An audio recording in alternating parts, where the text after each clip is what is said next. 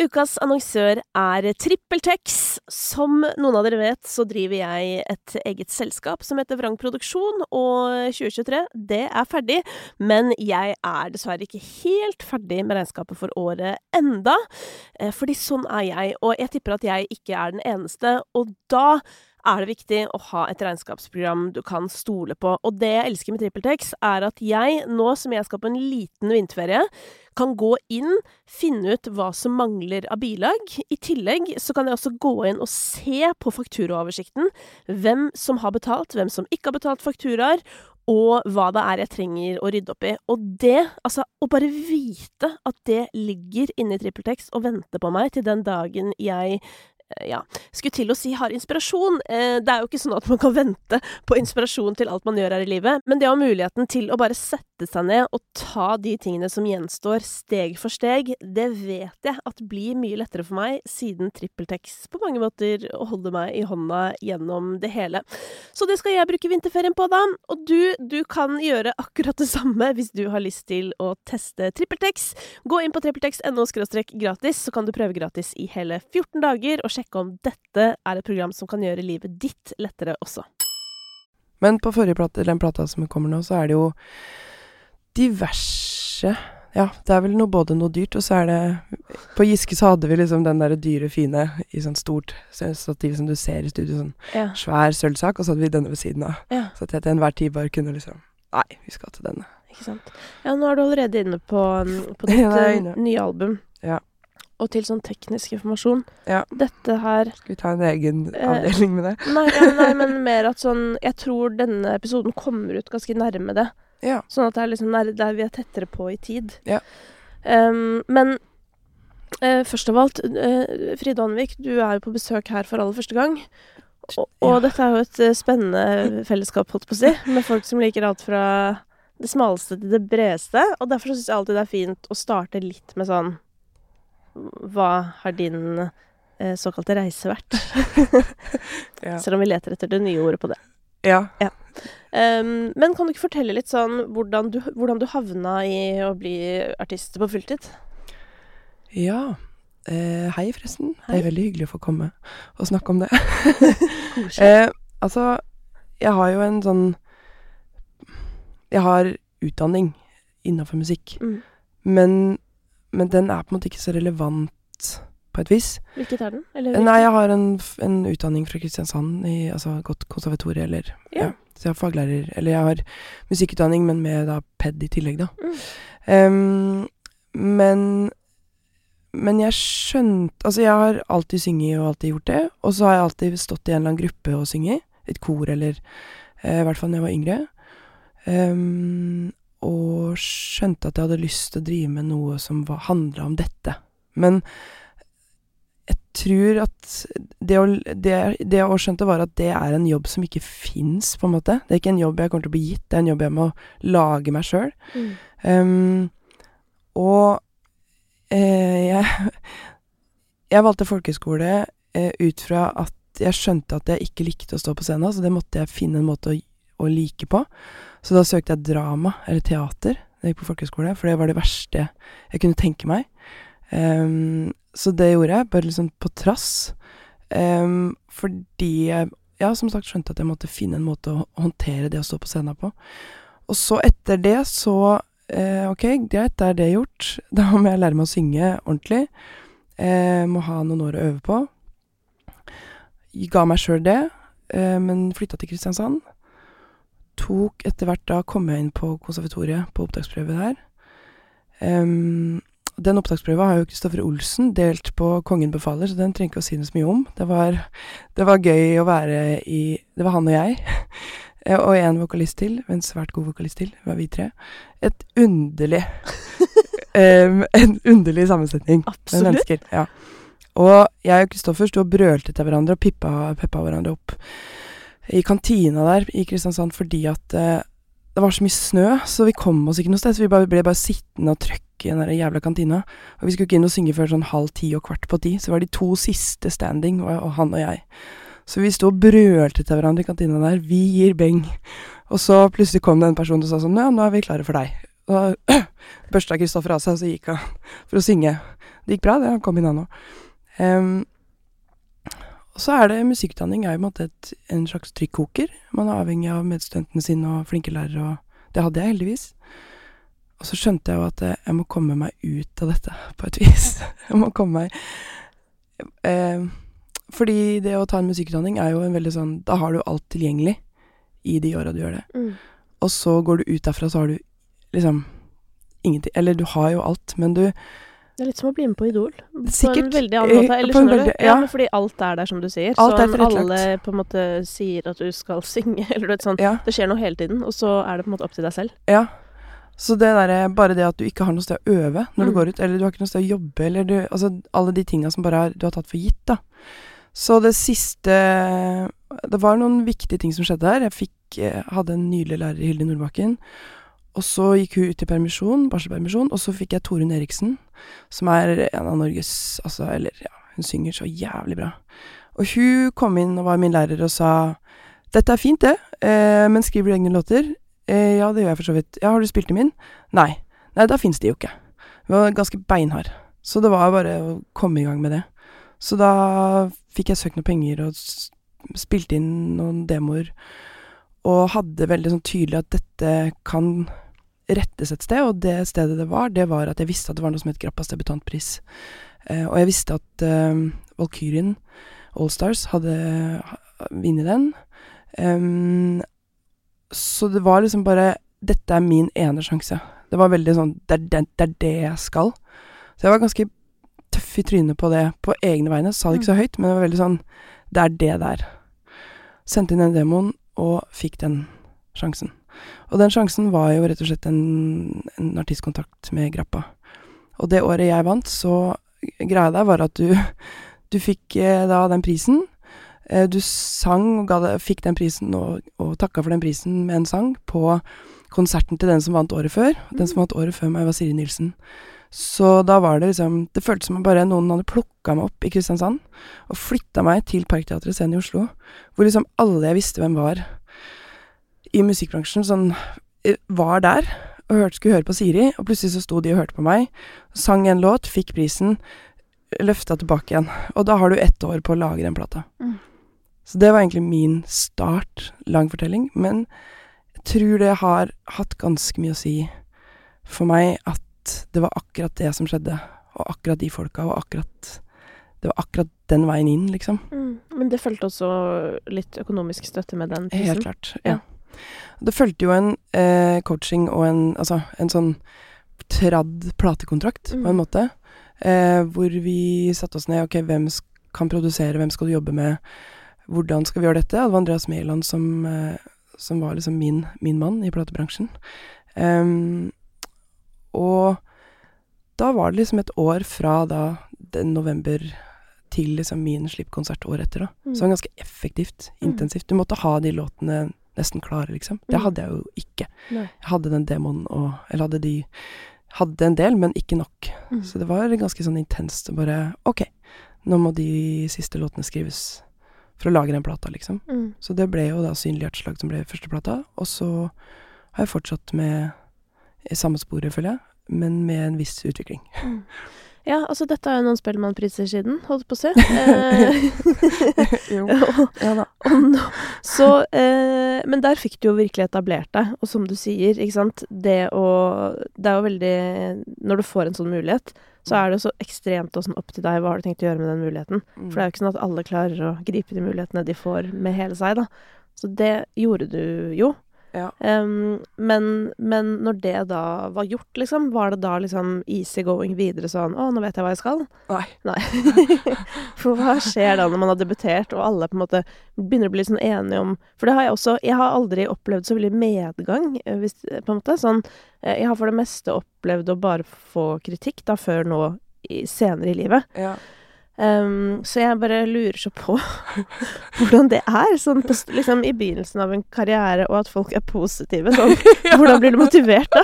Å oh, nei, jeg er så skada.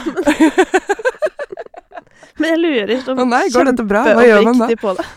Jeg tror på en måte at jeg, at jeg, eh, at jeg visste at det jeg hadde laga var bra, Mhm. og at eh, det kanskje var viktigere. Men det er klart at det å få det løftet, og det å virkelig føle at jeg ble plukka opp, da, um, og at jeg fikk en del muligheter som følge av det, var Nei, det, det ga veldig sånn Det ga fart, da. Mm.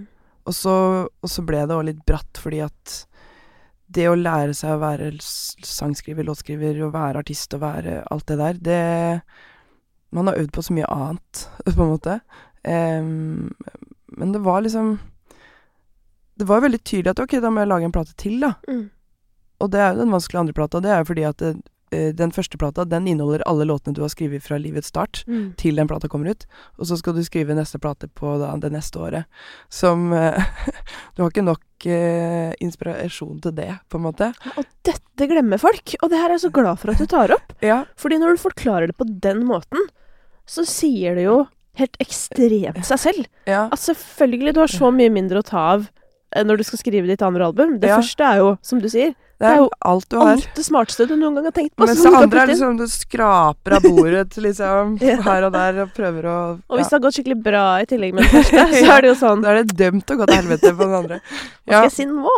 Ja, nei, det var en veldig sånn følelse. Men jeg syns jo andreplata ble veldig kul og veldig Jeg ville noe annet. Mm. Og også fordi at jeg var livredd for at ehm, Jeg var veldig også forsto nok òg at den første plata hadde en, en veldig tydelig lyd som Hvis jeg skal ha den lyden og stå for det Det følte kanskje ikke at det var hele meg. At jeg var redd for å bli satt i en bås der det var liksom Hvilken bås Det var var det, mykt. tenker du? Nei, det var jo en anmeldelse i forbindelse med Bylarm, for jeg fikk lov å spille på Bylarm etter den plata. Og da eh, var det et eller annet om at eh, Fride Håndvik er, er en skjør blomst på plate, men overraskende bra live, eller det var noe sånt, liksom. Og den skjøre blomsten der, den eh, er jo også i et helt annet eh, en helt annen tid, sånn eh, anmeldelsesmessig og eh, teit å blande inn kjønn, men det føltes sånn Det var en veldig eh, plassering av at eh, du er dette og kan ikke bli noe mer. Mm. Eh, sånn at jeg var nok bevisst på at hvis det skal være plass til hele meg i prosjektet mitt, så må jeg prøve å dytte i hva, hva de grensene er, da. Mm. Og hva musikken min kan være. Og, og da lagde jeg plat, andre plata som er masse synter og masse gøy, og, og tekst som jeg for første gang klarte å liksom formulere tydeligere hva jeg ville si, kanskje. Mm. Um, og det er låter som jeg fortsatt spiller i dag, og som jeg sy- syns er gøy å spille. Og det var jo Ja, det var en, det var en Ut fra anmeldelse og tilbakemelding så var det en forvirrende plate. Men kanskje var det akkurat det jeg trengte for å liksom få tenkt meg om hva Ok, nå har jeg forvirra dem. Mm. Da kan jeg gjøre hva jeg vil. Mm. ja, men på ekte. Ja. Eh, Det er ganske viktig å tilrettelegge for egen eh, frihet. Ja, det har jeg snakka med flere om. Ja. Altså, du velger på en måte litt selv hvis du fortsetter å male deg opp i et hjørne noen har satt deg i. Mm. Eh, men som du sier, og det er jo altså, et trist eksempel på dette, på en måte er jo litt sånn Justin Bieber, eller du vet sånn Ja, ja. Å bare bli helt crazy, for da er det sånn Å ja, hva skjer nå? Og så blir på en måte alt greit i gåstegn etter det. Ja. For barnestjerner har jo dette problemet. Ja, Ja. ja, de- de har jo det åpenbart problemet. Ja. Ja. Så de, de har det enda mer utfordrende. Da, sånn Ja. Hva skal de gjøre, liksom? Den er jo vrien. Så kommer Marcus og Martine som dette. De bare sånn Ja, men vi har ikke lyst til å liksom gå crazy. Så bare Nei, det Nei, skjønner jeg veldig godt. det Kjempegodt. Men det er liksom en gåte, det der å komme seg over i neste fase. Da. Og Men hvor der tok du da? grep. Jeg tok på album litt to. eh, tok, Ja, på en måte. Men jeg tok enda mer grep på album tre og fire. Da følte jeg at jeg liksom tok tilbake hva jeg ville for noe. Mm. Um, blant annet ved å ta tilbake produsent... Uh, produseringa. Ja. Kan du ikke fortelle litt om det? Altså, når var det du kjente at eh, det Jeg kjente at Måtte gå i deg? Hvorfor skal jeg sitte inne med alt det jeg mener, på en måte? Og hvorfor har det vært mindre enn Eller sånn Jeg ha, hadde en del ideer og hadde liksom en del sånn ting som jeg hadde trua på. Og så visste jeg at jeg hadde lyst til å jobbe med Kåre Vestrheim fordi at han har hatt en finger med i spillet i det meste av det Altså for mine forbilder, da. mm. Og at eh, de beste produsentene er på en måte de som klarer å legge igjen noe av seg sjøl, men som ikke høres. Og der mener jeg Kåre er av våre beste, som på en måte både kan produsere sammen med Hanne Ukkelberg og Odd Nordstoga, eh, som er ganske forskjellig. Mm. um, og når jeg møtte han, så var det litt krasj første møte, husker jeg. Jeg tenkte sånn Har jeg gått all in på dette? Å nei! Faen, jeg driter meg ut. Men så var det bare litt sånn Ja, ikke dårlig møte, men det var bare Når vi begynte å jobbe, så skjønte jeg at dette er helt mega.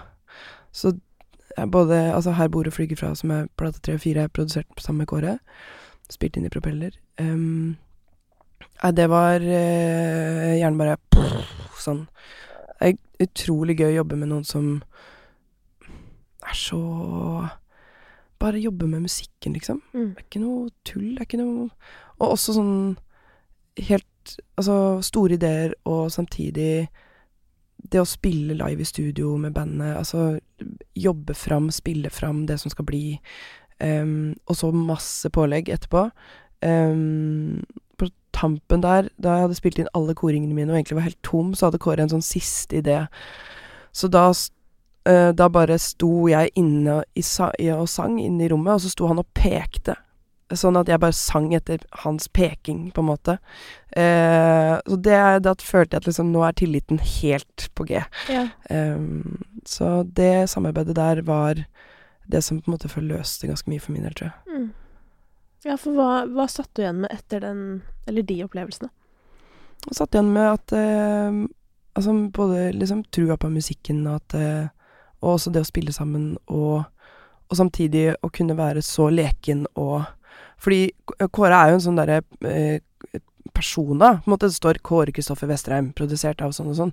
Eh, og da ser du for deg en sånn fyr som har englevinger og glorie, altså full pakke. Og så er det egentlig bare noe sånn derre Sånn som på en måte Der musikken snakker, liksom. Han snakker med fingra og han blir helt sånn Nå skal vi Og så plutselig så forsvinner han inn i amperommet for å skru, for han vil ha en annen lyd på Hva skal vi se hva dette kan gjøre med Jo, ikke sant?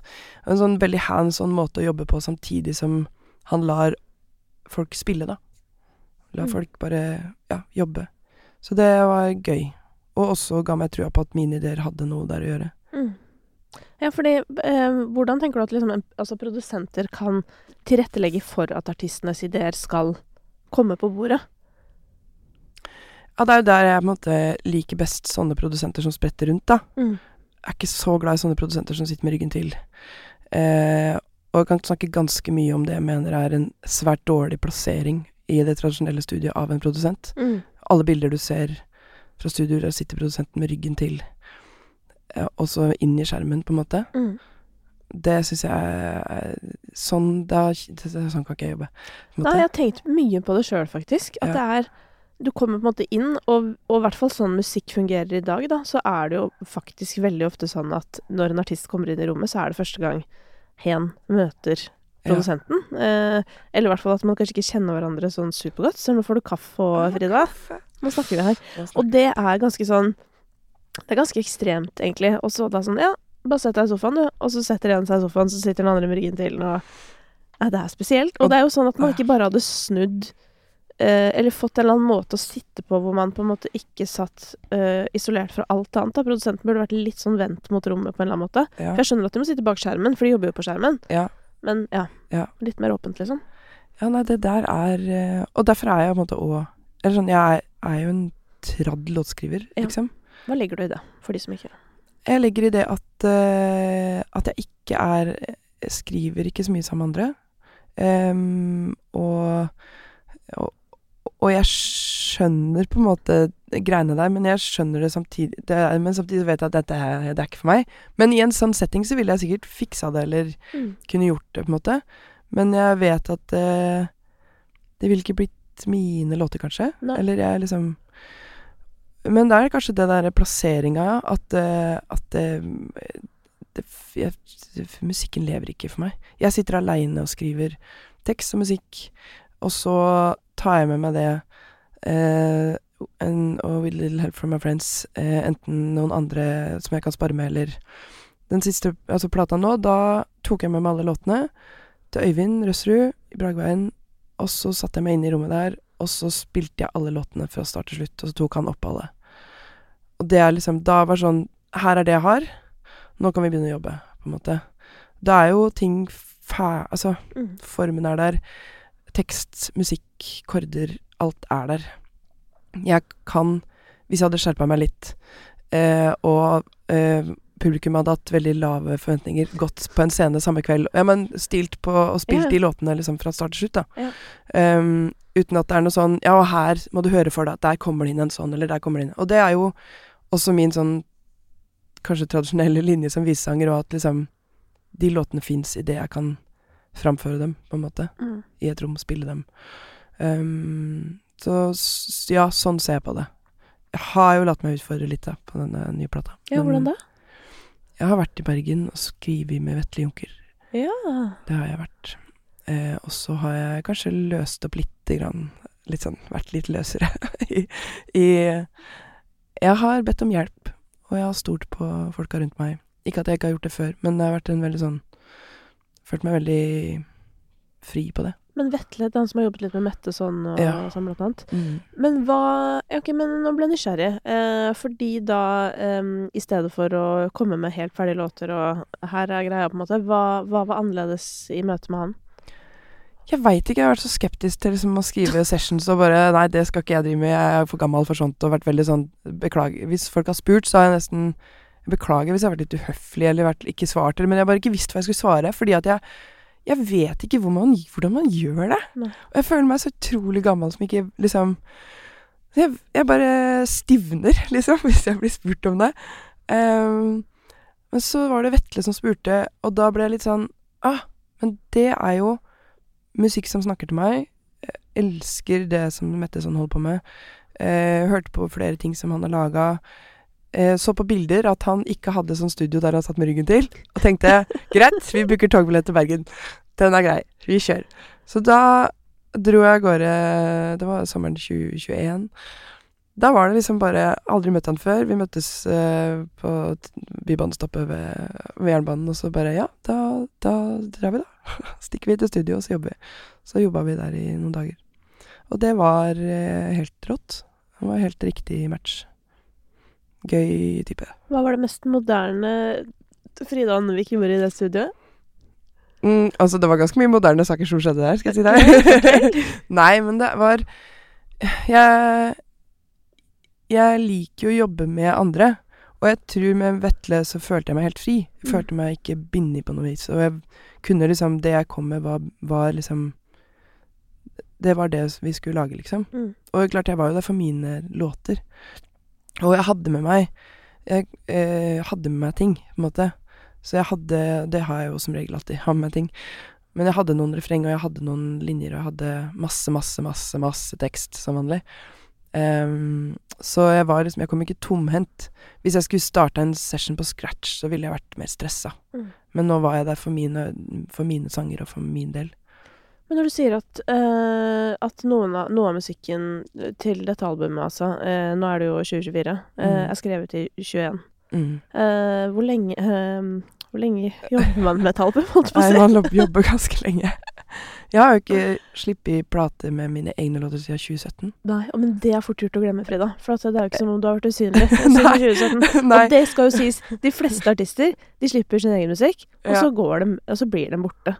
Og så dukker de opp igjen et par år seinere. Da er Ja, ja. Ikke sant? Men du har jo på en måte vært til stede hele tiden. Så jeg, så jeg tror liksom men jeg tror folk flest tenker at sånn Og du har jo gitt ut album med andres låter, skal sies. Ja, Og du har vunnet en Spellemannpris for en cover med Chris Holsten, og det har jo liksom skjedd andre ting. ja. Ganske absurde ting, spør du meg. Ja, det Ja. Det må jeg si. ja, det er Ja. Det var, altså, det var jo helt nydelig, men det var bare Men altså, Mats Hansen vant også Spellemann, hvis du skjønner. Han vant også Spellemann. så det er ting Og det er første gangen vi er i samme kategori for Og det syns jeg er stas. Ja. ja. Men eh, tror du ikke også Eller nå stiller jeg ledende spørsmål som jeg øver meg på å slutte med. Men kom med det. Ja, jeg, for jeg skjønner ikke helt hvordan jeg ellers skal stille det, men tror du ikke også at eh, i kraft av den eh, coveren du gjorde med Chris, og også andre coverlåter du har gjort av liksom Astrid S, altså sånn Mm. poplåter, da, så er det jo sikkert mange produsenter der ute som sitter med ryggen til, som tenker sånn at oi, kanskje Kanskje jeg skulle prøvd å jobbe med Frida, fordi de har jo hørt at du har gjort sånn helt popting, og det er dritfint, ikke sant? Ja, det er jo hyggelig. Det er jo gøy hvis du spør. Ja. Jeg skal prøve ikke stivne og bli redd i Nei, men det er jo ikke noe Altså, så lenge, så lenge det er for å gjøre dine ting, og så lenge du kan på en måte gjøre din greie, så Ja, ja. Og det er jo helt Og det var jo det andre sanger var ment som òg. Både som skrivetrening for min del, em, og en løsning på et uh, reality-program, og um, Ja, bare gjøre noe annet enn Ja. mine egne ting. Eh, og nå snakker du da om albumet hvor du har covret Ja, en an- rekke låter, Andre sanger. Mm. men oversatt de. Ja. Og det er jo et lite helvete, holdt på å si, å Mhm. få lov til å gi ut det. Ja. Um, og det har vi snakka så vidt om her tidligere, men vet, nå er det jo ekstremt mange som prøver å bygge seg karriere gjennom å covre låter på TikTok. Mm. Uh, og så blir det jo etterspørsel da etter om de ikke kan gi ut disse låtene, som Mm. eksempel Randi Oline nylig har gjort og gått nummer én. Ja. Apropos, på mange nydelig. måter i din sjanger. Ja. Um, og en fantastisk måte sånn sett, da, at også uh, folk som ikke nødvendigvis holder på med liksom ren popmusikk eller andre typer veldig populære sjangere, Mm. faktisk kan nå ut til veldig mange. Ja. Dritkult at nå at hun er et eh, household name. Ja, ja. Jeg er så stolt. Syns det er så gøy. Ja, Ja. ja nei, det er um, Ja, det, vi, må, vi, skal, vi skal snakke om hva vi tror om fremtidens musikk etterpå, for at det der har veldig oh mange tanker, og jeg tror vi skal nemlig litt tilbake til uh, jorda, skjønner du. Men vi får se, da. Men i hvert fall så um, Så um, Jo, disse coverlåtene Jo, det er bare spennende fordi uh, når folk da driver og oversetter, ikke sant, så vil de jo da eh, eller det er jo ikke alle som engang kan disse reglene, så driver bare og gir ut låter i hytt og gevær, og så plutselig er det nede fra Spotify igjen og sånn, fordi du kan ikke bare ta sangen til Jason Derulo og oversette den til norsk og gi den ut. Nei, Nei. kan ikke det. Så når du da driver og covrer den ene og den andre, Ja. holdt på å si, hva, hvem var det vanskeligste å få godkjenning fra? Eh, det er folk vi ikke har fått svar fra ennå. Ja, det er det. Så det er låter som ikke ble med på den plata. Ja. Eh, og det var også kjipt å måtte eh, Og så var det måtte, også noen Vi møtte på noen sånne eh, nei uansett-greier, på en måte. Ja. Som, der, som sier nei uansett. Så det var et par kjipe eh, som vi måtte la gå, ja. Um, så En av de som ble med, da, hva, hvem måtte jobba hardest for? Hvilken var det vi venta dritlenge på? Mm. Vi venta ei stund på Bjørk, men det var jo litt mer sånn Der hadde De er jo to stykker, det er Bjørk og en låtskriver til som har skrevet den låta, Unravel, og der hadde den andre låtskriveren sagt ja, tror jeg. Ja. Eller, eller motsatt, at Bjørk hadde sagt ja, men venta på noe annet. Det var mer sånn derre Ja, sorry, jeg har vært borte. Var, det var litt mer sånn. Mm. Um, så det var ikke noen sånn vond vilje, følte jeg. noe sted. Men det er klart at de, de med store forlag, eller de med eh, som er vant til dette, på en måte Altså John Mitchell har Det er jo millioner av oversettelser og, og covere, så de har på en måte bare sånn stem, Altså, det er kjapt, da. Ja. Og Jeg stemmen, lagde et system og, for dette. Ja. og Janice Ie nå, som er liksom hands on, er sitt eget forlag. Holder på med Der, jeg maila, der vi maila med hun direkte, liksom. Ja. Eh, som jo er gromt i seg sjøl. Ja, ja. Å sitte og maile med Ja, say, say hi to Gracie May, bikkja. Eh, så det var veldig sånn gromme, fine Ja. Og samtidig og frustrerende. Herregud, det tar så, men det tar sjukt lang tid. Og det visste jeg fordi det er en coverlåt på førsteplata mi òg, og den ble jo nesten ikke med. Ikke. For det tok så lang tid. Ja. Men den fylleangsten man har når man sitter og eh, Fordi eh, Nå kan jeg kjøre en liten skole i dette. Du må da En ting er gjendiktninga, men for at det skal eh, godkjennes, så må du oversette gjendiktninga tilbake til engelsk direkte, Mm. sånn at de forstår at du ikke har måte tatt helt av. Og den engelske oversettelsen da, den er ganske pussig. Da bør du drikke lite grann for å gjøre det, fordi det er så sært å sitte og gjøre det, og det skammer deg sånn over å sende inn igjen den. Eh, men da er det veldig, det er veldig sånn skjematisk. Du må bare gjøre det, og gi en best mulig oversettelse av gjendrikninga. Mm. for at de skal forstå om de kan godkjenne det eller ikke. da. Og det er jo sikkert fordi de har gått på noen smeller og har fått, fått noen litt rare oversettelser. Ikke sant. Og så er det å vente dritlenge, Ja. så du burde ha litt sånn grei tidsramme på dette Helt her. klart. Ja. Eh, så hvis du har tenkt å begynne å tease en eller annen låt på TikTok som du tror er jævlig bra og folk vil ha en norsk versjon av, Ja. så ta så søk om det før du begynner å poste de teaserne, rett og slett. Ja, Så ikke folk glemmer det i mellomtiden. Og eh, send meg en liten melding, så skal jeg sende deg til den ene personen i Norge som gjør dette på en veldig god måte. Og Å, det er nemlig en uh, svært dyktig bransjeperson oh, ja. som, uh, ja, Som har dette som sitt felt. som har dette som sitt felt. Hun er strålende. Ja. Jøss. Herregud, det fins jo folk til det meste. Det fins folk til det meste, og i forlag og sånne type delen av bransjen, Mm. som er jo artig å stifte bekjentskap med, så, så fins det folk som kan sine greier. Ja. Mm, Det er godt å vite, da. mm. Men um, denne her eh, Og så sier du at det var også en del av å øve til et reality Nei, det var Jeg var med på Århundrets stemme på TV 2. Ja. Og det var jo på en måte et eh, slags sånn tids... Det var jo tiår for tiår, uh, gjennomgang av musikken. Uh, man valgte seg låter ut fra Ja, for å på en måte uh, vi, Det var et slags sånn historisk program. Der Stjernekamp var mer sjanger, så var dette kanskje mer sånn tiår for tiår. Mm. Og det ble jo bare den ene sesongen, men det var litt sånn Fordi alle trodde at jeg kom til å si nei, så sa jeg ja. Um, og premisset mitt var at uh, Men jeg kan gjøre det på min måte, på en måte. Mm. Kan jeg oversette, kan jeg inndikte? Og de var sånn ja, ja. Men jeg tror ikke de skjønte hva de sa ja til. Nei. Og når jeg røk ut liksom Det som var bra, var at jeg røk ut eh, rett før finalen. For jeg merka sånn at den derre ja, jeg, jeg har jo konkurranseinstinkt til en viss grad. Men når det liksom var Eirik Søfteland og elg igjen, så kjente jeg at dette, dette gidder ikke jeg konkurrere med. Dette, dette, er ikke min sånn Ja, men du kunne jo Altså, selv om det er på en måte to som synger ganske sånn ja, ja. Så, Men så er det jo nettopp bra at du at det er du som hadde vært på andre siden. Ja, og det var jo på en måte det i den siste. Da gjorde jeg jo Think Before I Talk i siste ja. jeg har tenkt meg om.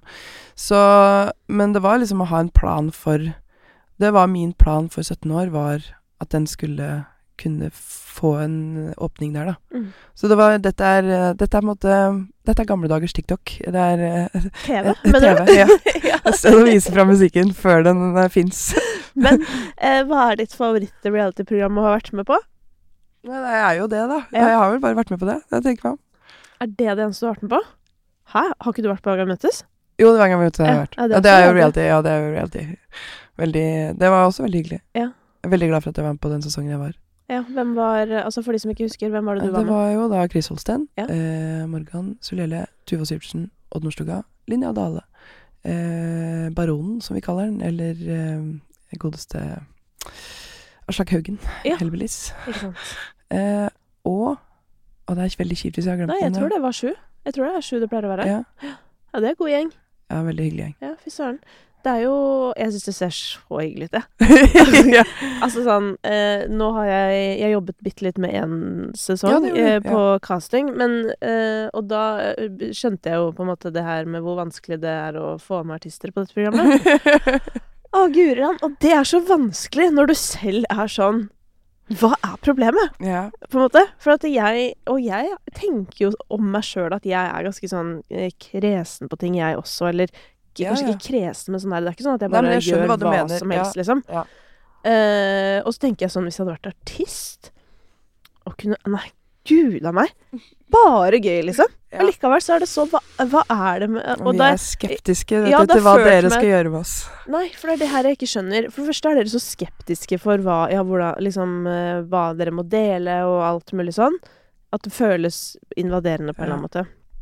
Mens jeg, som har sittet på mest på den andre siden, mm. syns jo bare sånn Fy fader, folk er så greie med dere, liksom. Altså, se på hvordan alle andre blir behandla, hvis du skjønner. Ja. Når de er gjest på steder eller sånn. Da må det leve på Ex on the Beach, du blir pælma ut hvis du ligger med noen, liksom. ja, skjønner du? Sette det i perspektiv. ja, men jeg mener det sånn derre Hver gang jeg har jobba med artister og TV, som har vært ganske mange ganger, så er jeg sjokkert over hvor eh, på lag man er, da. Ja. På en måte. Og så er det jo Og så har jeg jo innsett på et eller annet nivå at sånn der, Det er jo vi kan godt liksom sitte her og bare 'Å, vi er mediebransjen, og dere er artistene', så er det sånn, mm. men vi er jo på en måte ikke noe uten hverandre i det vi gjør sammen. Nei. Så det er jo i bunn og grunn et samarbeid hvor det er viktig at liksom At alle er komfortable. Ja. Eh, men jeg syns eh, det er ekstremt tilrettelagt, det må jeg bare si. Ja. det må jeg bare si. Ja, ja det var tilrettelagt, og det var hyggelig. Eh, og, men eh, den grunnleggende skepsisen tenker jeg er god å ha med eh, også. Kan jeg spille inn et lite ting der? Fordi ja. det jeg også tror det handler om, er at vi holder på med ting, vi lager ting, um, og vi lager det i akkurat denne formen, i akkurat denne Liksom, sånn er det. Liksom, vi har funnet formen, og vi har funnet måten å gjøre det på. Mm. Og så i enhver setting på Hvis man får mulighet til å vise det frem på TV, mm. så kommer det en eller annen sånn Ja, dette er fint, men hva med På en måte. Mm. Og da kommer det enten et kor inn fra venstre, eller eh, et samarbeid som de vil at du skal gjøre, eller Og alt det der kan jo være dritfint og kjempegøy, men man får aldri vist fram det man holder på med i ren form, mm. på en måte. Det må man sørge for sjøl. Eh, så jeg tror kanskje at det er liksom skepsisen vår. At man får lov til å komme på TV med det man holder på med. Nei, ja, det er nesten. Ja. Eh, men man må Ja. Og det er jeg, eh, Jeg hører det, at det er liksom sykt eh, bortskjemt å ikke liksom ta den sjansen og OK, da, på en måte. Mm. Men samtidig så er det nok kanskje det, ja. At liksom jeg vil vise det fram sånn som dette. Mm. Men ja, ikke sant. Og det, det tror jeg um, ofte skjer også, eller altså Jeg har absolutt foreslått mange ting, jeg, men, men jeg vil òg liksom si at uh, der er igjen min opplevelse, da. At sånn um, At jeg, jeg hadde trodd det skulle være mye mer av det. Jeg er på en Mm. måte overraska over hvor lite sånne ting det er, og hvor utrolig liksom sånn eh, tilretteleggende det er, ikke sant? Fordi Men nå begynte jeg å tenke på sånn, er det andre som får lov til å bare komme og være i sin rene form, holdt på å si? Det er jo på en måte ikke det. Nei, og, og det, sånn og det er jo også gøy å si det til deg, fordi Ja. det var jo ehm, Altså, det at den der duetten med Chris kom ut, var jo Mm. også fordi at eh, vi var i et visst P3-program og spilte den coveren Ja. i februar 2020 Ja. eh, hos en programleder som også sitter rundt dette bordet. mm. Som eh, Og jeg vet ikke om det var du eller det var liksom Cecilie kanskje, eller Chris som Kanskje vi skal Hvis vi skal gjøre en cover av noe, så Som, man, som vi jo gjorde, så kanskje vi skal spørre Frida, liksom. Mm. Så det var jo en sånn Det er jo Og det var, det var nok Chris sin, eh, sin idé, altså. I Ja. grunn og grunn. Jeg tror det var det, Mm. og det var eh, Så det er jo sånne muligheter også. Noen ganger så, så sier det eh, klaff, Ja. liksom. Og der, men min innstilling der, da, og det har det alltid vært òg, er jo nettopp at hvis man klarer å tenke på disse tingene som Eller bare huske på at sånn, dette er et samarbeid, og alle må ha det bra på en måte for at det skal bli Mm. noe. Mm. Men selvfølgelig, du må gjøre din ting, og selvfølgelig, hvis det er et eller annet du vet som må tas opp, eller whatever sånn Jeg er ikke journalist, da, for jeg er faktisk ikke det, av utdanning. Men det er jo på en måte rollen min, så hvis noe må liksom bringes på bordet, så må jeg gjøre det, liksom. Eh, men jeg tror bare at måten forslag blir lagt fram på, er så utrolig viktig. Mm. At liksom det går an å si eh, Du, vi har tenkt på en, en idé om en opptreden hvor jeg, hvor jeg bare ser for meg noe sånn som dette. Ja. Kunne det vært noe for deg? Ja. Eh, og hvis vi skulle hatt med noen andre, hvem kunne du sett for deg? Altså, Ja. at man begynner der, da, i stedet for å komme sånn Hei, eh, du, eh, Isa er veldig populær nå, hva tenker du? Eller det er sånn, for det er jo ofte sånn det blir, ikke sant? Og så blir man sånn Hæ? Eh, Har du hørt musikken min? Eller sånn, har du sett hva jeg driver med? Og samtidig så er jo eh, Vi må jo òg være åpne for det fordi at det er sånne samarbeid som plutselig flytter en til andre steder enn der man trodde man var. Mm. Og det har jo den Viss verden på, på en måte gjort for min del at Det er jo langt fra meg, men samtidig er det helt Det er ikke noe Det var lett, liksom. Ja. Du er jo, altså Du er jo veldig deg sjøl Eh, ja, i ja. den låta. Jeg er veldig meg sjøl, men jeg er også det popspråket og den måten å ja, formidle ting på og ehm, Ja. Det var jo Og jeg har fått gjøre ganske gøye ting. eh, og slippe å ha store ambisjoner på egne vegne fordi at jeg får, kan henge med Chris på en del sånne ting som Ja, jeg ble med deg i Spektrum. Ja, det var hyggelig. Kjekt å stå her litt. ja, men det er nettopp det. At det er jo for å gjøre helt sjuke ting, liksom. Men eh, med det sagt, um, i forhold til sånn det å ha bærekraftig karriere, da, og ja, fylle Oslo Spektrum eller Mm. andre lokaler, Um, hvordan har du hatt Altså, hvordan har din live-karriere utvikla seg? Eh, jeg fikk ikke spilt så mye de første åra uh, som jeg ville. For, jeg tror jeg husker at jeg liksom følte åh, det får liksom aldri komme i gang. Løsna ordentlig etter andre plata. Og det var nok fordi at jeg tok litt ansvar sjøl, og eh, rett og slett begynte å gjøre skolekonserter. Ja. Eh, Gjøre Kulturell skolesekken. Og med det fikk sjukt mye mer live-erfaring. Fikk spilt de låtene mange ganger. Og så var jeg veldig veldig heldig å bli plukka opp i et slags sånn videreutdanningssystem i 2014. For da, i 2012, så ringte Morten Kvenel og lurte på om jeg ville synge Hans Børli-tekster. Eh, sammen med hans jazzband. Ja. Og når Morten eh, Kvenel ringer og spør deg om det, så sier du eh, ja, det vil jeg veldig gjerne. Eh, og den plata spilte vi inn da i 2012-2013. Kom ut i 2014. Fikk turnere mye med dem. Og samme år og turnerte med et jazz eh, Et annet eh, med Prøysen, med Helge Lien. Og det var helt avgjørende, ass. Fordi de var mye eldre enn meg og mye mer rutinerte, og de bare stolte på at jeg klarte meg sjæl, liksom. Og det gjorde jeg jo til en viss grad. Ja. Men Det var jo Det er jo komplisert musikk, liksom, og det er, eh, det er ting jeg burde klare, men samtidig veldig digg å være i et band og være eh, Altså bære det, bære teksten og bære det foran der, men samtidig være en gjeng, liksom. Um, og vi gjorde også et veldig eh, Vi gjorde en fellesturné i 2012 med masse konserter. Så det var liksom det å få være på scenen mye, liksom. Tusle rundt der og Og også inn og ut av den derre frontrollen eh, var veldig digg. Så jeg tror liksom de åra der var viktig. Og ellers har det vært liksom etter Vi har gjort kanskje to runder DKS i året. Ja.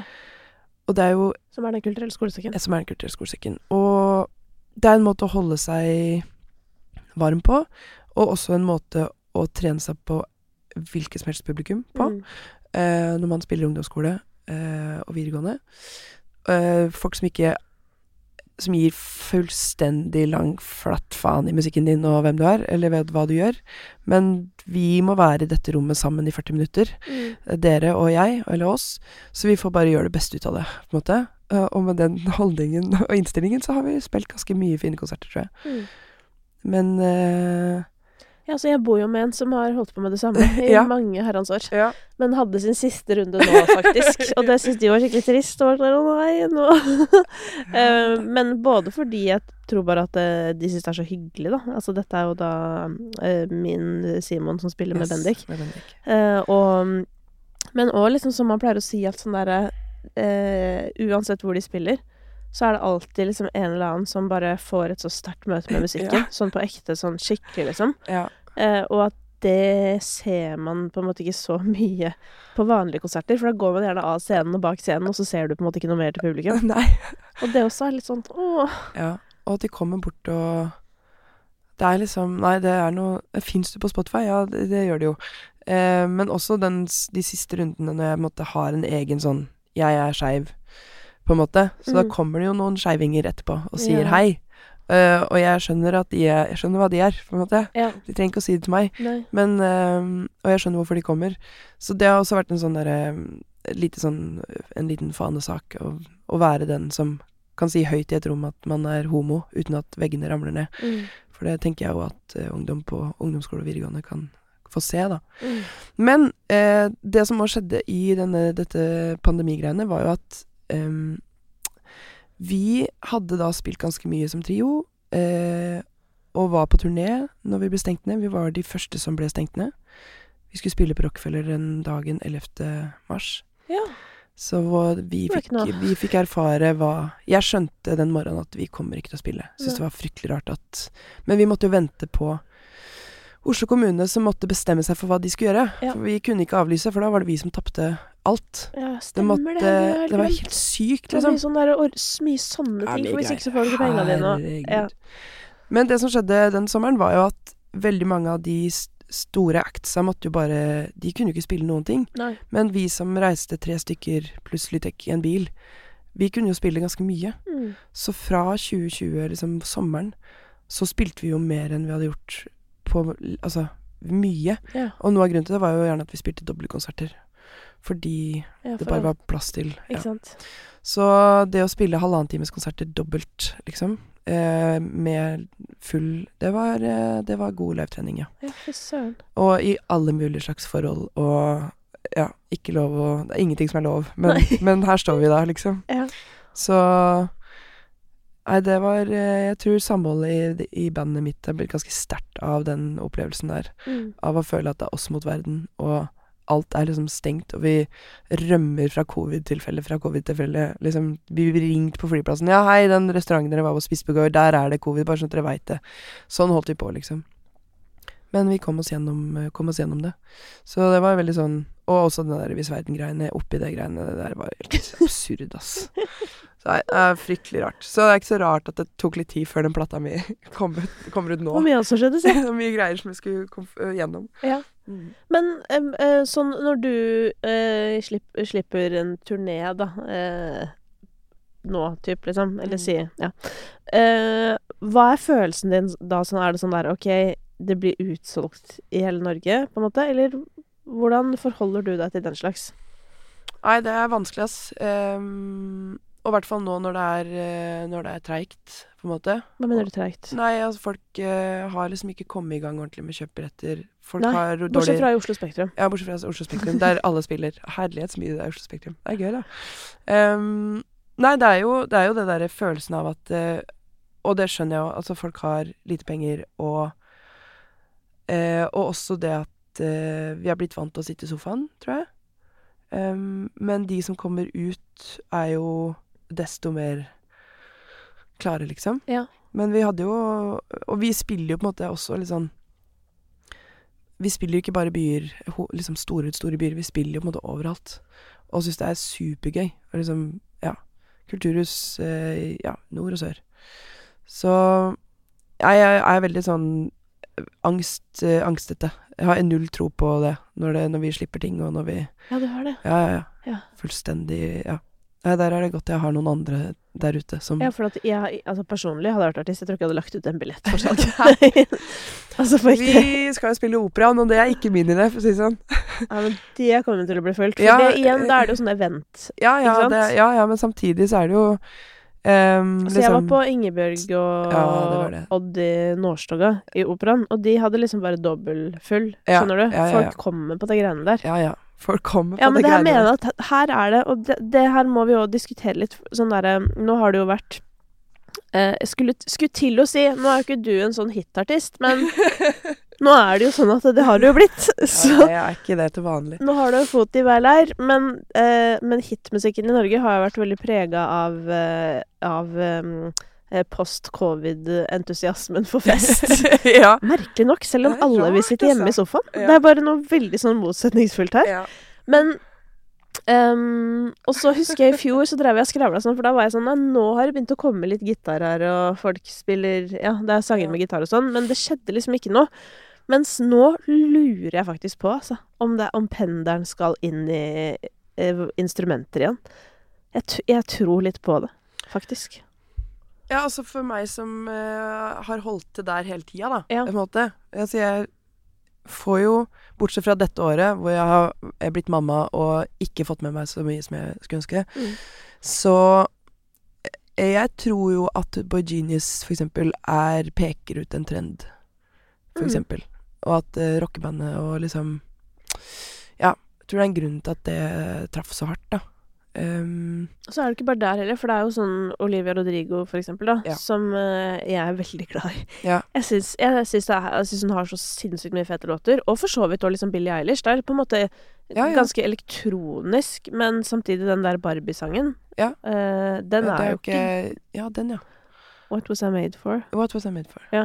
Eh, det er jo veldig nedpå, og så had, var det plutselig eh, et tilfelle av at han Zack Bryan og Casey Musgraves Ja. er topp ti i Norge. Ja. Ikke sant? Altså, og da blir jeg sånn Ok. OK! Er Jeg blir jo gira, fordi da kan Casey Musgraves endelig komme tilbake hit, ja, for eksempel. ja, og det, Men spørsmålet er om hun har blitt for svær. Hun har blitt så svær. Sist så var hun jo på Sentrum Scene. Ja, Altså, hun spilte første gigen på europaturné på Sentrum Scene. Altså, det var helt fuckings fantastisk. Åh, jeg orker ikke. Nei. Men det er jo sånne øyeblikk hvor man liksom bare skjønner at man har kjøpt billett til riktig tid, liksom. Ja, for søren. Eller Madison Cunningham på, oppå loftet på Altså, det var helt sjukt. Før jul i fjor. Det er på um, Soria Moria, holdt på å si. Ja. Ikke loftet, men det var sånn Kødder du meg? Det er der Det er helt stappa fullt.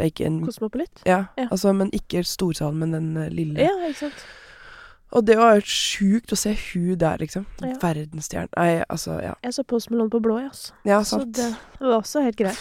Nå blir vi, Sett i- vi gamle igjen. Sett i retrospekt. Ja, men det er, Post Malone på blå er liksom ikke så altfor lenge siden heller, så det er jo det som er så gøy å tenke på at sånn eh, Han, han blowa veldig Ja. på en måte ganske sånn over natten, faktisk. Men så selvfølgelig har han jo blitt større og større og større, og større, og Ja. nå er han jo en av de største. Ja. Men eh, fordi jeg, har drevet og prøvd å liksom um, På slutten av fjoråret og selvfølgelig nå eh, prøver å liksom analysere sånn hva, hva skal skje i år? Altså sånn hva blir hva blir greia? Og jeg elsker å lese sånn trendforskning og sånn, for jeg bare syns det er gøy. Ja. Eh, det, er jo, det er jo basert mye på Hva heter det?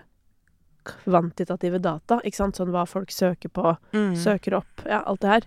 Um, og det er bare et eller annet med med at uh, de store artistene nå, de, de, er, de er på en måte så store Altså, jeg føler det er så lang avstand mellom verdens største artister og alle andre, Mm. på en måte. Altså innafor artistverden, da. Uh, og at det er spennende å se sånn eh, Hva gjør uh, på en måte Ja, utviklinga med hvor mange artister det er plass til, holdt på å si. Mm. Fordi at eh, alle skal jo på en måte ha sin plass, eh, gjerne i SoMe, og så kommer plutselig Ok, så kommer AI, kanskje det kommer masse AI-generert musikk, det gjør det allerede. Ja, og er det tror jo jeg kommer til å øke igjen behovet for å høre noe ekte. Og samtidig så kutter Spotify Spotify går inn og bestemmer hvem som er profesjonelle og ikke profesjonelle, ved å si at de som er under hva er det, 10 000 lyttere i måneden, skal ikke få like mye betalt som resten. Som er på en måte hvordan, vet, hvordan kan de vite hvem som er Ekte artister, altså. Eller profesjonelle. Altså Ja. sånn Det er de folka de da kutter, er jo folk som turnerer jevnt, spiller overalt, selger vinyler, selger plater, har et stort nok publikum til å leve av dette Mm. eh, er kanskje svære på bandcamp, eller Altså Hvordan musikkverdens bransjen ser ut. Det er vel liksom Det er som du sier, at hitmusikken er sånn og sånn, og den er der oppe, og artistene, det er de store, store artistene. Og jeg føler jo på at det blir lengre og lengre avstand mellom, mellom det som de holder på med, og oss andre, på en måte. Ja, at, og det handler jo også litt om at det går jo lengre og lengre tid mellom hver superstjerne som kommer opp, ikke sant? Sånn. Ja. Når sist fikk vi en Beyoncé, på en måte? Mm, Var det Dua Lipa, på en måte? Eller sånn ja. Billie Eilish. Men har det egentlig kommet noen etter det som er tilsvarende store artister? Og er på en måte den tiden nesten forbi? Det er jo det her jeg syns er spennende. Sånn. Ja. Fordi før så kunne jo de store plateselskapene på en måte bestemme. Denne Ja. artisten satser vi på nå. Mm. Du skal bli dritsvær. Legger alle eggene in one basket, Ja, på en måte. Mens nå er det ikke sånn. Altså, de kan promotere så mye de vil, men, men liksom, jeg får det ikke opp i min For you-page. Skjønner du? Fordi ingen har lik For you-page, så Nei. Og vi sitter i hvert vårt ekkokammer hva kultur og inntrykk angår, Ja. liksom. Med algoritmene våre. Og det er jo det som er så sjukt, at sånn alle eh, vet jo på en måte hvem eh, Backstreet Boys og Spice Girls er på vår alder. Ja. Mens om 40 år, da, så vet ikke alle de Skjønner du? Så vet ikke alle Ja. hvem som var Eller hva som Ja, er de store er kulturelle referansene. Ja. Nei, det er ganske Jeg tror jo nettopp det der at uh, Det man har sagt i alle, at SoMe-kanalene man har sjøl, gjør at man kan nå ut på videre sånn og sånn og sånn. Og TikTok er jo på en måte Det er som du sier, når, når de store plateselskapene ikke lenger kan si sånn Her er den neste superstjernen. Men de må på en måte legge ut masse greier på å prøve å liksom så det i jævlig mange kanaler, og Ja. så jævlig Altså sånn Satse på at Altså hva, Hvor skal man legge liksom Hvor skal man legge de egga, da? Mm. I hvilken kurv? Ehm, men det føles jo også sånn å skulle slippe ny musikk at Jeg vet jo åssen den musikken låter, og jeg vet hva jeg har laga, og jeg vet hvilke låter jeg har tro på. Og jeg skulle ønske liksom Jeg ønsker for musikken at den, at den bærer, fordi det betyr at jeg kan spille mye. Og at jeg kan bygge, bygge på det jeg har laga, da. Ja. Det er jo det vi holder på med hele tida. Um, så men, men det er den derre Men hvor, hvor begynner man da, liksom? Ja. ja, men hva er planen din, da? Altså Nei, det er jo på en måte Jeg har jo veldig sånn tro på det å, å spille det, og at Og så er det det at mine fans må kjenne det igjen. Så mitt publikum må, må gjenkjenne og OK, dette er også Frida, vi blir med en runde til, liksom. Ja. Eh, Det er jo det viktigste, eh, må jeg helt ærlig innrømme. At eh, det er gøy med nytt publikum, men det er òg litt sånn der å passe på de, de man har, ass. Så det er jeg mest bekymra for, egentlig. Om de syns at dette er fett. Hvorfor det? Jeg er alltid bekymra for det. Om jeg skal miste noen på veien, liksom. Men hva vil du si er det mest eh, utfordrende da, for disse eksisterende fansene med det nye prosjektet ditt? Nei, jeg tror ikke det. Og det er jo ikke et nytt prosjekt heller, men det er Men jeg er liksom Jeg, jeg, jeg, jeg tar meg Prosjektet er det alle kidsa sier. Ja, prosjekt, ja. Uansett hva de gir ut, så er det, Så er det prosjekt. Så er det nye prosjekter. ok. Ja. prosjekt. Skjønner. Tusen hjertelig takk for den. eh, Jeg får, kan få ei ordliste når vi går herfra. Du kan ta med den der På boka til Oliver. Lovrenskij også. Ja, den leser jeg faktisk. Ja, du leser den. Ja, Hvordan ikke leser du den, og har ikke lest den ferdig? Nei, jeg har barn. Eh, og vi har Det vært syke. Ja. Nei, men det har vært helt eh, Det er liksom eh, Og jeg har lest korrektur på plata, og liksom skrevet samtidig. Jeg har ikke hatt. Ja. Men det er nettopp en sånn bok det går an å lese parallelt, liksom. Ja da, men du må få deg fri Du må få deg fri i kveld snart. så du Jeg, har fri i kveld i kveld. Ja, ikke sant. Ja, da- for den er ikke dum, altså, den Nei, der. jeg skal der. bare frese gjennom resten. Oi, oi, oi, jeg klarte ikke å legge den fra meg. Nei, det klør i det ganske bra i både hjertet og huet av den der, ass. Ja. Um, Men tilbake til uh, ja, hvor var vi? Nei, vi var jo Ordboka? i Ja, vi var i prosjektet, For da. eldre visesangere. Men ja, men fordi at um, Når du sier at du liksom er på en måte spent eller bekymra eller for om de er med deg på en runde til, er det noe ved dette nye albumet som du tenker at sånn Ah, shit, har jeg dratt, dratt den for langt? Du har, vel, har du hørt det? Ja. Det fins jo en låt eh, på albumet ditt som er litt utypisk, kanskje. Men jeg vil si på en ekstremt positiv måte, da. Ja. Fordi jeg eh, trykker da på play, ikke sant. Sanger kommer i tilfeldig rekkefølge. Eh, albumet ditt er jo ikke ute idet jeg setter det på. Eh, og det syns jeg ofte kan være litt gøy, for da er det bare litt sånn Ja, får ikke sjekka hvem som har produsert, får ikke sjekka noe. Jeg må bare Jeg blir, jeg blir ikke farga. Det er litt Nei. sånn Jeg pleier å høre på New Music Friday òg, så hører jeg eh, elsker jeg bare å trykke på play, legge mobilen i lomma, og ikke Mm. engang se hvilken artist det er. Ja, For jeg vil bare kjenne om jeg føler noe eller ikke, på en måte. Men det tok jo ikke lange tida da før eh, jeg fikk en veldig sterk følelsesmessig reaksjon. Og det var jo på en låt som heter 'Andre å elske'. Mm. Det er en dritfin låt, men det som er helt sjukt, er hvordan du synger den. Ja. Ja. Altså, hva skjedde? Og hvem har vært rundt deg når du har sunget på den måten? Eh, Når jeg, hvor, hvordan Ja, synger hvor jeg da? spilte du inn den? Nei, du, du synger så Det er jo litt som, uh, litt som an anmelderen beskrev. Altså, du rommer jo mer, men du er jo kanskje liksom Um, Du synger jo gjerne litt nedpå, på en Ja. eller annen måte. Ja. Mens i denne låta så er det så ekstremt uh, Det er så høyt, liksom. du synger så høyt! Ja. ja, det er litt høyt. Eh, og der du kanskje vanligvis ville liksom gått i litt sånn Så er det bare full pinne. Og det elska jeg jo. Og jeg ble sånn Herregud, hva er det som skjer? Jeg ble nesten igjen Nå visste jeg jo at jeg hørte på deg, men hvis jeg hadde trykka på play på New Music Friday, så hadde jeg måttet gå inn og sjekke sånn Hvem er det? Mm. Det er jo eh, nærmere sånn som jeg synger live, Ja, ikke sant? og sånn som konserten er. At det er mer, mer umf, eh, Ja. på en måte. Men, eh, men det er jo kanskje den låta som vi Fordi den er en nøtt, og den er lang, og Øyvind og jeg har Altså Men Øyvind har gjort en sinnssyk jobb med den, og liksom Ja. Alt. Å fjerne ting, ass. Og Vetle har også vært eh, borti den. Ja. For det var jo Vetle jeg som eh, Jeg hadde med meg den til Bergen. Ja. Hadde med meg refrenget. Mistenkte det litt, må jeg si, da Ja. du begynte å fortelle om Vetle. Mm. Ja, nei, jeg hadde med den til Bergen. Um, hadde med refrenget og syntes det var litt sånn Oi, det var jo litt voldsomt. Og så Vetle var sånn Nei, jeg syns det er litt for sånn folkish, jeg. Da tenkte jeg ja, ja, greit, da har vi forskjellige tagninger på, på hva dette er. Men det er en heftig låt. Jeg gruer meg litt til å måtte synge den live. Ja, for det, hvor i settet kommer den? Nei, jeg vet ikke helt hvor den kommer. Eh, Jeg skal innrømme at jeg hadde den med meg på en eh, Hadde en eh, Deltok på en masterclass for å skjerpe eh, Ja, det er lurt å ta noen timer og lurt å synge litt. Eh, med Marie Pilstrøm, som er en veldig, veldig bra sangpedagog. Um, og da var det noen andre der som også påpekte at den, der er, den er tricky å synge, liksom. Og det var gøy å høre andre vokalister synge den låta, og eh, også se at de liksom reagerte på akkurat de samme stedene som meg, at dette, og dette blir litt krevende. Men det er gøy å skrive, det har jeg egentlig alltid gjort. Skrive låter som er for vanskelig for meg å synge. Så blir jeg bedre, da. Men dette er en låt folk kommer til å synge på The Voice og sånn. Det skal jeg garantere Å, shit. Ja. Stakkars folk. Ja, det kommer jo an på, da. Hvis de er dritflinke, så Ja, jeg tror jo det er Og det er jo det som er at mange som kan synge denne eh, sikkert mye bedre enn meg. Eh, Men, eh, men sånn er det jo.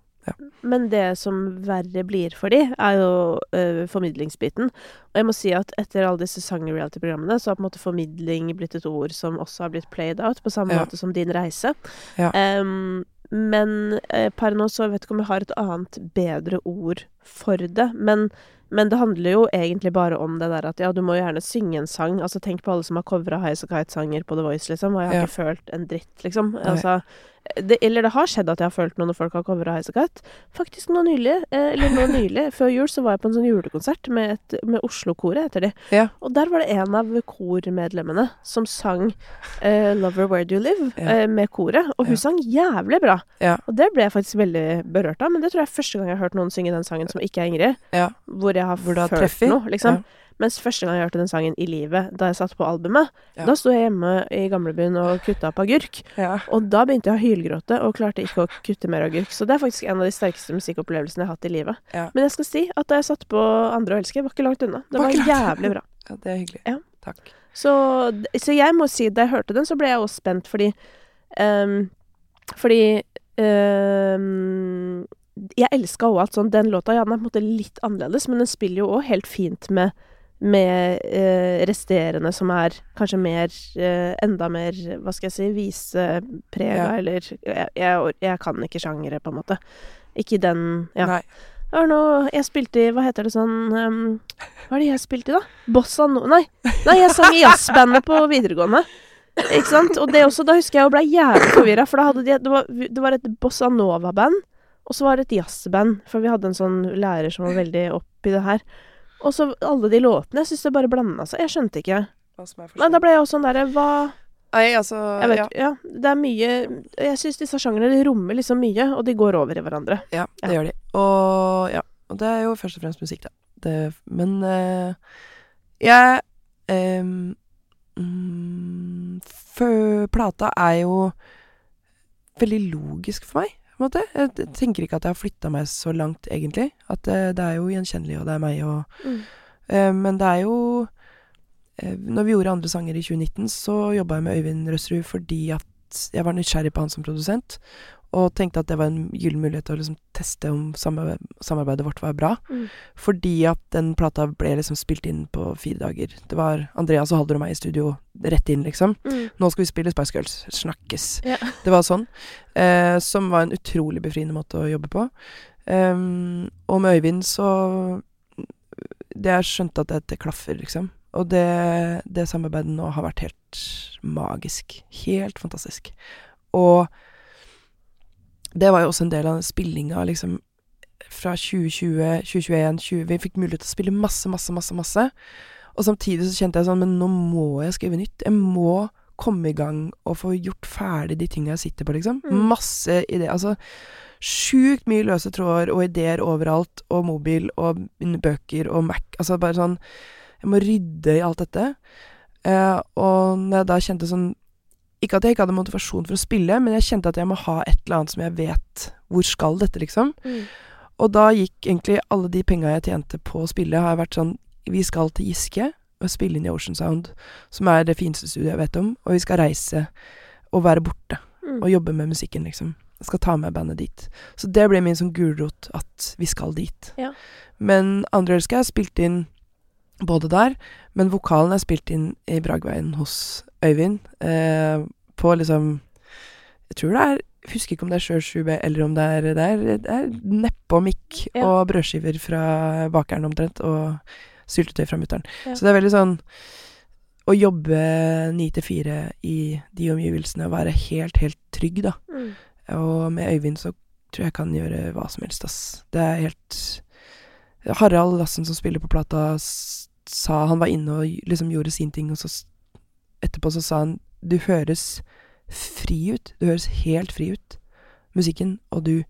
Og det syns jeg var så fint, for det var akkurat sånn jeg har følt meg i prosjektet, og med Øyvind som medprodusent, at da var det vært en sånn Nå skal vi det, nå skal vi det, nå skal vi det. sånn. Og så er det ikke noe som sperrer eller motstand Eller motstand er det nok av, men Ja.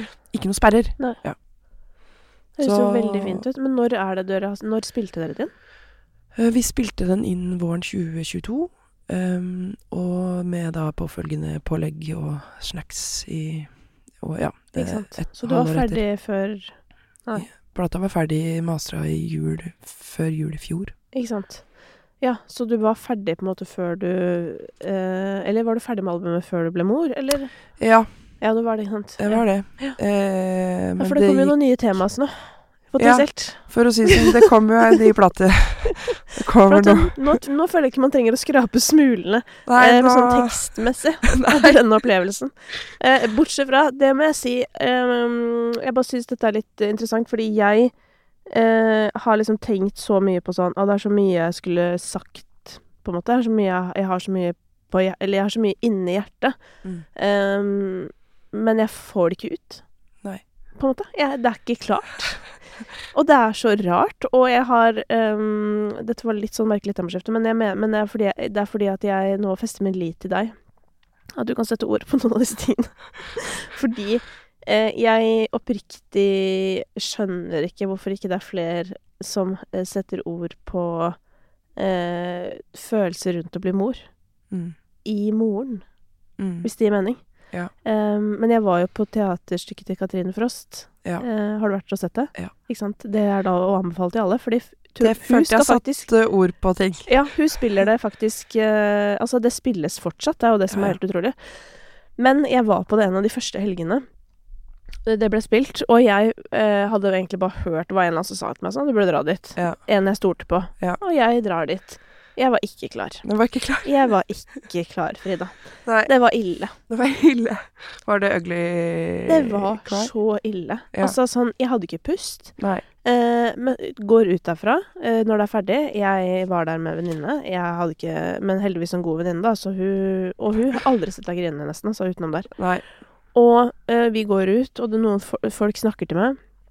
Folk jeg ikke jeg kjenner, men du vet, bekjente, skal drive og ha samtale. Ja. Jeg bare så på det. Ja. Og bare viste fjeset mitt, og jeg sa ikke et ord. Nei. Jeg responderte ikke på noen måte. Satt med en taxi, dro hjem. Ja. Og vet du hva, og den sitter i meg fortsatt, altså. Og det Mm. er, dette er da et stykke som handler om Som på en måte handler litt om at ingen snakker om ja. føding og den slags. Eh, men, men, men det svarte jo heller ikke nødvendigvis på alle spørsmål. Men etter det så gikk jeg rett hjem og begynte å google sånn derre Becoming a mother. Identity. ja. Identity issues. ja. Så bare Nei. Men det er en del eh, som er skrevet Altså Ida Jackson Ja, jeg har lest eh, Eh, det norske som har vært skrevet. Ja, ikke Mm. sant. Og det er jo noe, men det er litt sånn Og jeg tror kanskje at vi behandler det på en annen måte her enn Altså at det kanskje er mer Her eh, Ja, hvordan Altså, eh, amerikanere vil jo si at dette er en privatsak, Ja. kanskje?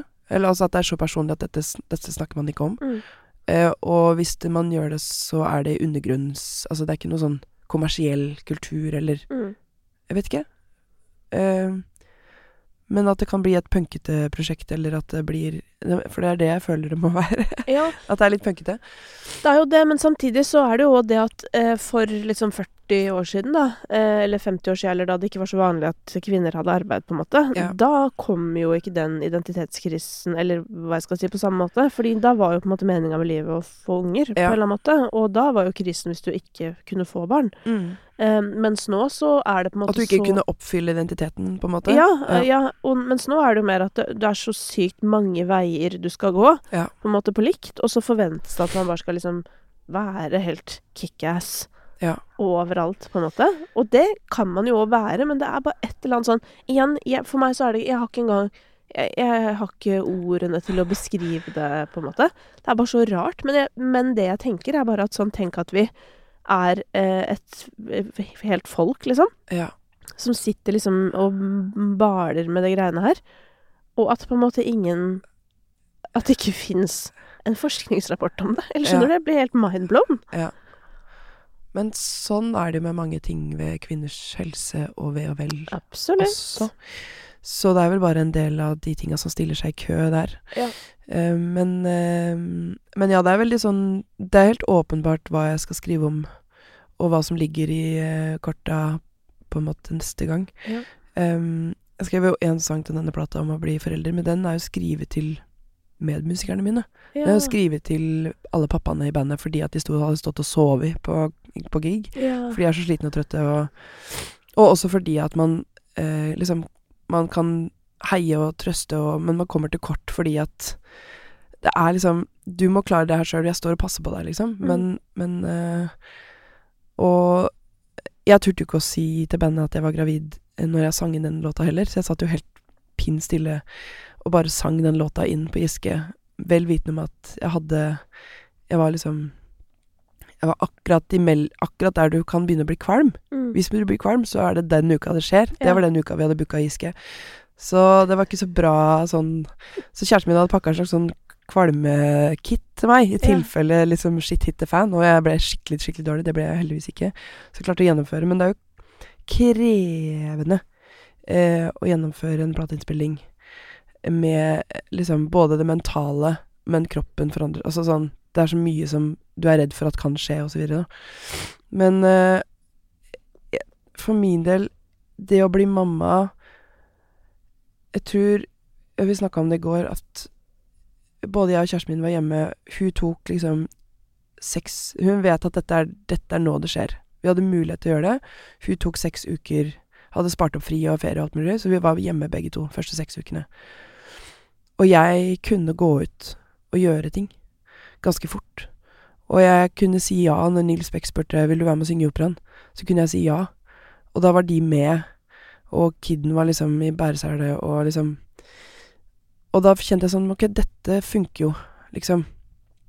Uh, Veldig fint øyeblikk for øvrig. ja, det er hyggelig. Det var ganske sært å være seg sjøl i det øyeblikket. Uh, Dere sang duett 'Jeg elsker Ja. han slash hun', Hun, da. ja. og da, det er jo, den har vi jo gitt ut etterpå, men da var det jo på en måte sånn Det var sykt deilig å bare være en sånn Det er ingen som vet at den fins, den duetten, eller Mm. som duett. Du skal bare komme inn på ekstranummer og bare Hvis ikke Nils skravler seg bort, da, som Ja. han holdt på å gjøre på Øya i august. Jeg var kunne endt med at jeg ikke fikk spilt på Øya fordi Nils eh, skravla seg bort, men Ja. det, det gikk det gikk heldigvis. Um, men da liksom den følelsen av å være seg sjøl igjen bitte litt, og være sånn Ok, dette, dette er meg. Nå synger jeg, altså er jeg. Uh, det var ganske viktig, tror jeg, for meg. Em, men samtidig så var det digg å være liksom mamma, altså være den rollen òg. Men det er altfor stort språk til å kunne fange og si noe vettugt om. Og jeg føler det fortsatt er for tidlig. Og Mm. jeg syns nettopp den forestillingen til Katrine Frost er nettopp at det er så håndfast og direkte og rått. Mm. Og også at det er bygd på humor, sånn at hun vrir kniven rundt Altså, eller hun vrir hjertet ditt ut med skje, liksom. Mm.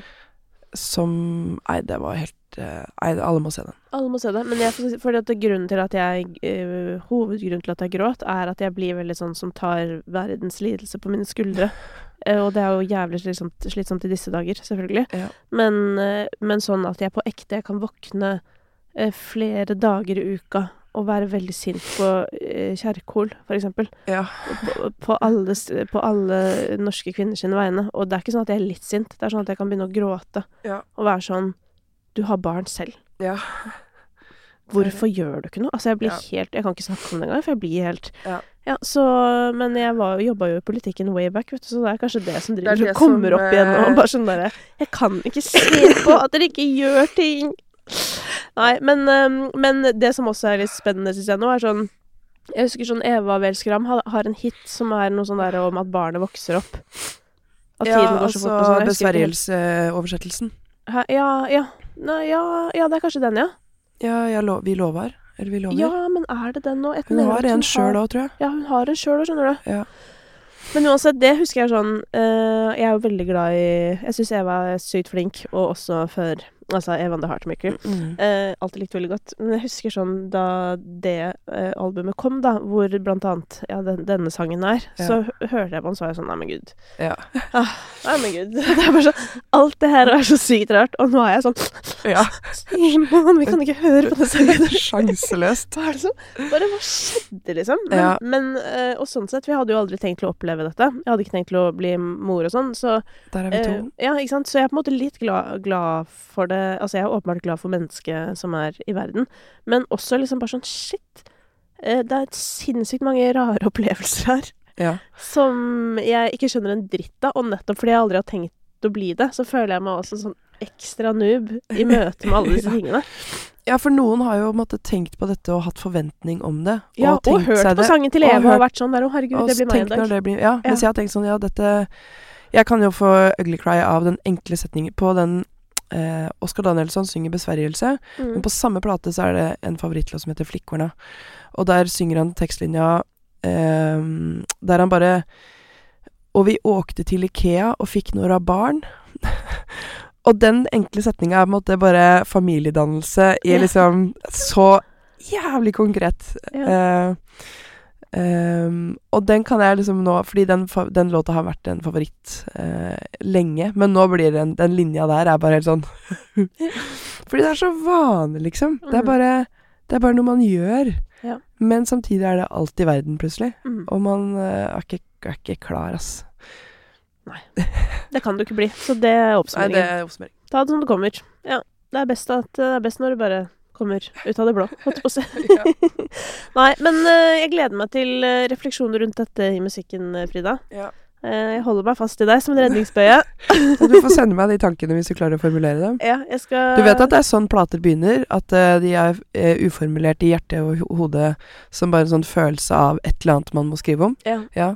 Ja, eller de, ja, ja, sier jeg som Ja, men det er jo på en måte sånn ofte mange av mine prosjekter òg begynner. At Ja. det er sånn eh, Us Her er det noe som må, som må skje, ikke Mm. sant? Men hvordan skal det skje, og hva er formen, og hva er Ja. Ja, ja men eh, spennende. Takk for at du ville komme.